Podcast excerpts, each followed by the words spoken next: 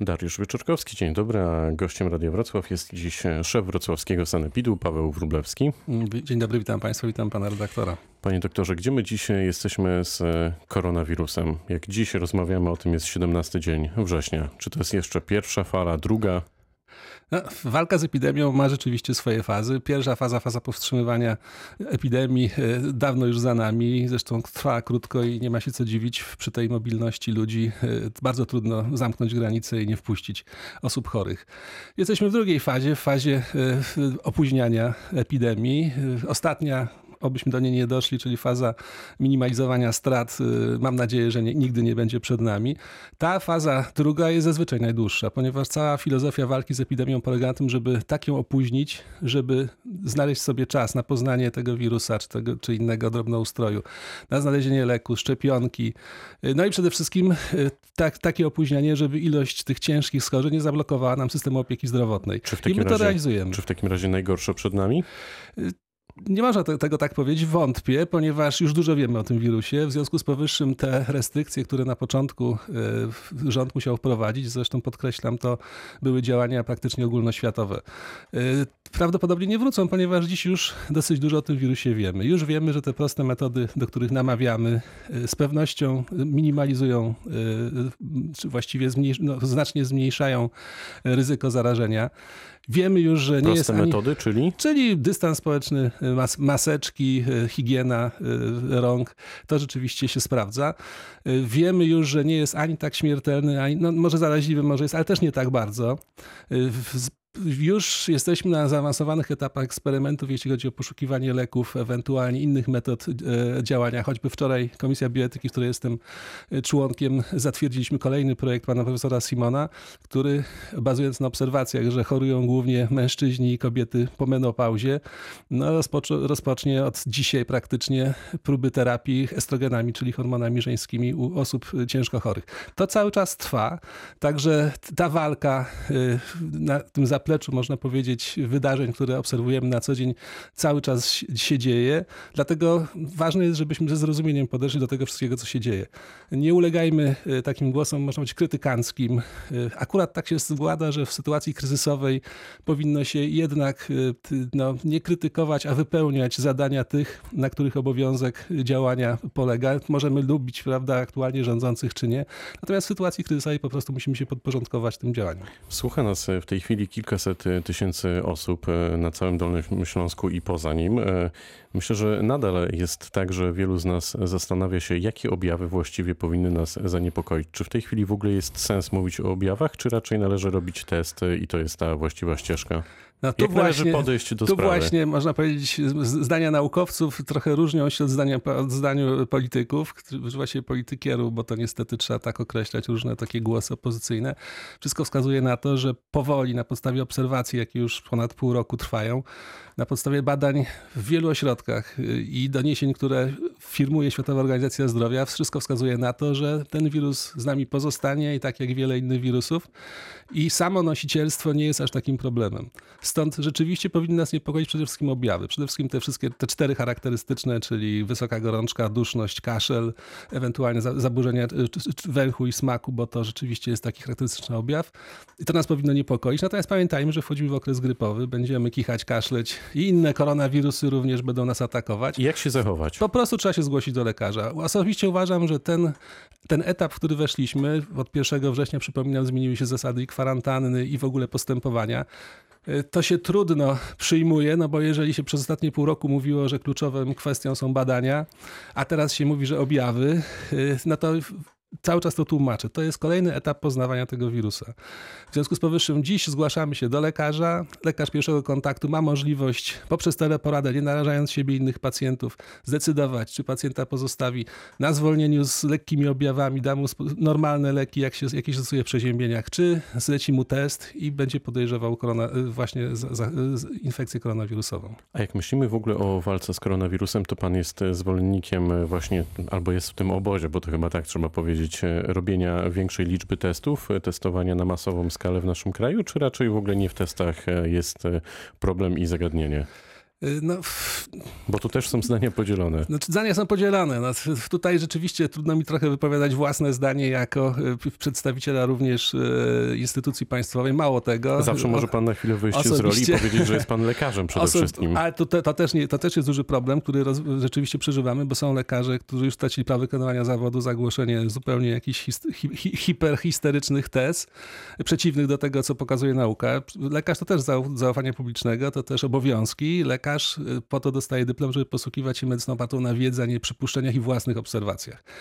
To w sumie pan rektor poruszył, po- poruszył dobry temat, bo oczywiście ja mam swoje zdanie na podstawie obserwacji, które y, ja poczyniam choćby na populacji Wrocławia czy powiatu wrocławskiego. No to no- słuchamy. i osobiście uważam, że powinniśmy powoli odchodzić od testów, robić je tam, gdzie są potrzebne, czyli tam, gdzie mamy rzeczywiście problem z identyfikacją schorzenia, z diagnozą. Natomiast to z jednej strony są obserwacje Światowej Organizacji Zdrowia, już, które powoli się przebijają jako oficjalne, z drugiej, e, no, tak jak już wspomniałem, obserwacje na pewnej populacji. Natomiast epidemiologia no, posługuje się zupełnie innymi e, działaniami.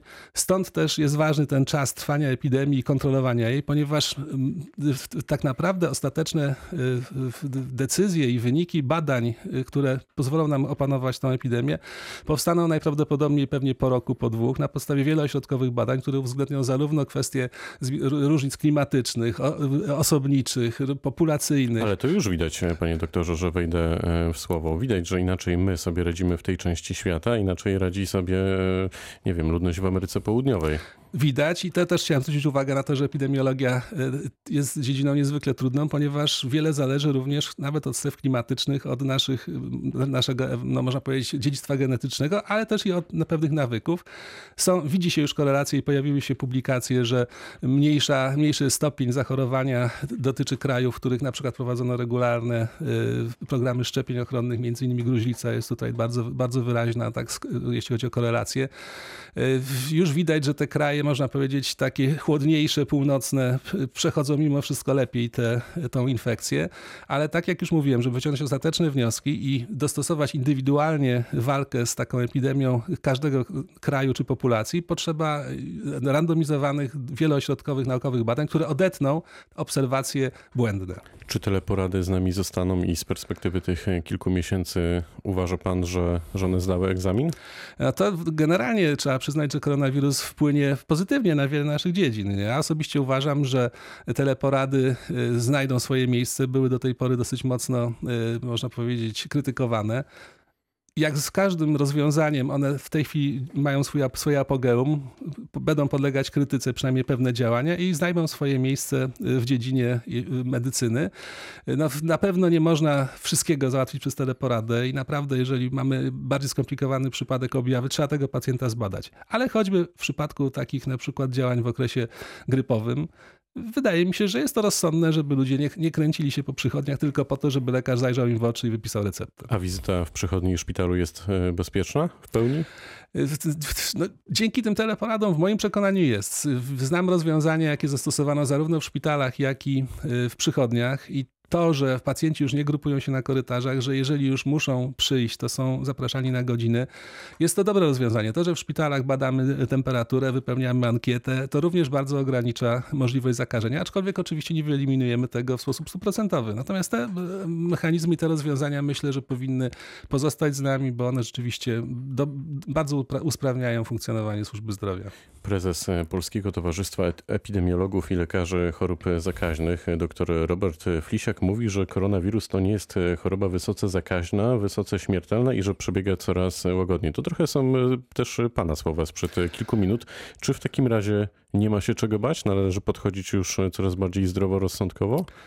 Ja od początku zawsze apelowałem, żeby podchodzić do tego zdroworozsądkowo, dlatego Choć no, bardzo... sam pan przebył. Przebyłem na, na własnej skórze i nie ukrywam, że też podlegałem emocjom, gdy w jednej z wrocławskich gazet wyczytałem, że koronawirus zniszczy wszystkie narządy i właściwie się umiera. Poczułem się od razu gorzej. Także naprawdę e, w całej, w całej tej sytuacji kryzysowej, chyba jak wszędzie, ta informacja to jest jednym z kluczowych elementów działania. I tutaj, o ile media takie, które są nastawione na bezpośredni kontakt z rozmówcą, choćby Polskie Radio Wrocław, telewizja, uważam, że się sprawdziły. Natomiast niestety te gazetowe no, powinny mocno zweryfikować swoje działanie, bo bazowali na żebroklikach, jak to mówią fachowcy, czyli po prostu eks- epatujący tytuł. Na przykład mieliśmy taki tytuł w jednej z gazet, koronawirus we Wrocławiu, kiedy jeszcze w ogóle nie było koronawirusa na Dolnym Śląsku.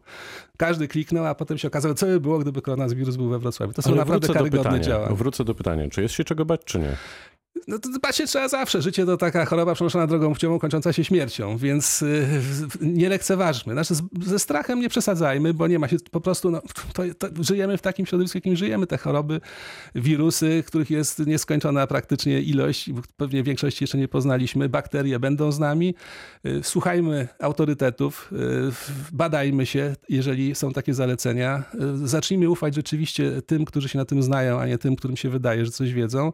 I wtedy się nie ma czego bać, no bo tak jak już wspomniałem, wszystko wskazuje na to, że ta, ta, i ten koronawirus, być może on w jakiś sposób ewoluuje. Przypomnę, że przecież mieliśmy y, inne epidemie na początku XXI wieku, przywołane przez te choroby, choćby SARS, MERS, które też jakby samo ograniczyły się. Są jakieś mechanizmy, być może, których jeszcze nie znamy. Dlatego trzeba po prostu ufać tym, którzy mają wiedzę większą, dają możliwości rozwiązań, y, no a potem, jak widać, modyfikują w zależności od sytuacji. A co by pan e, podpowiedział panu wojewodzie a propos porodówki przy Chałubińskiego? Informujemy o tym na antenie Radia Wrocław od kilka dni. Tam ta placówka została przeznaczona tylko dla ciężarnych zakażonych koronawirusem.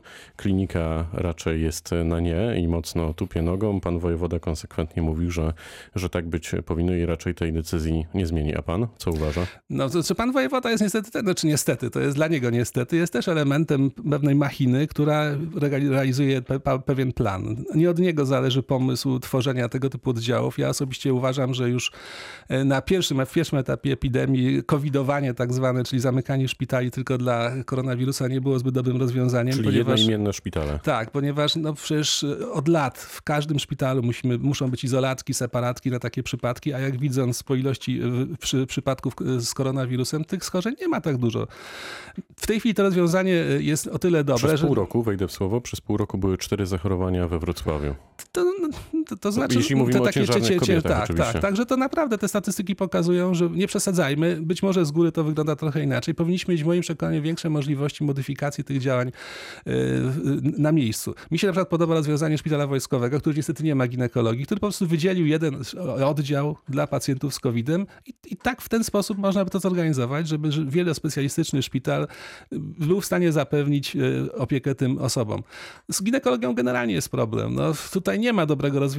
No, ja, ja, ja proponowałem, no, ale no, można powiedzieć, ja z, z pozycji powiatu nie mam zbyt, zbyt wielkich możliwości sprawczych, żeby jednak poszukać małego szpitala ginekologicznego, który ma mało porodów, albo takiego szpitala, w którym można wydzielić te łóżka.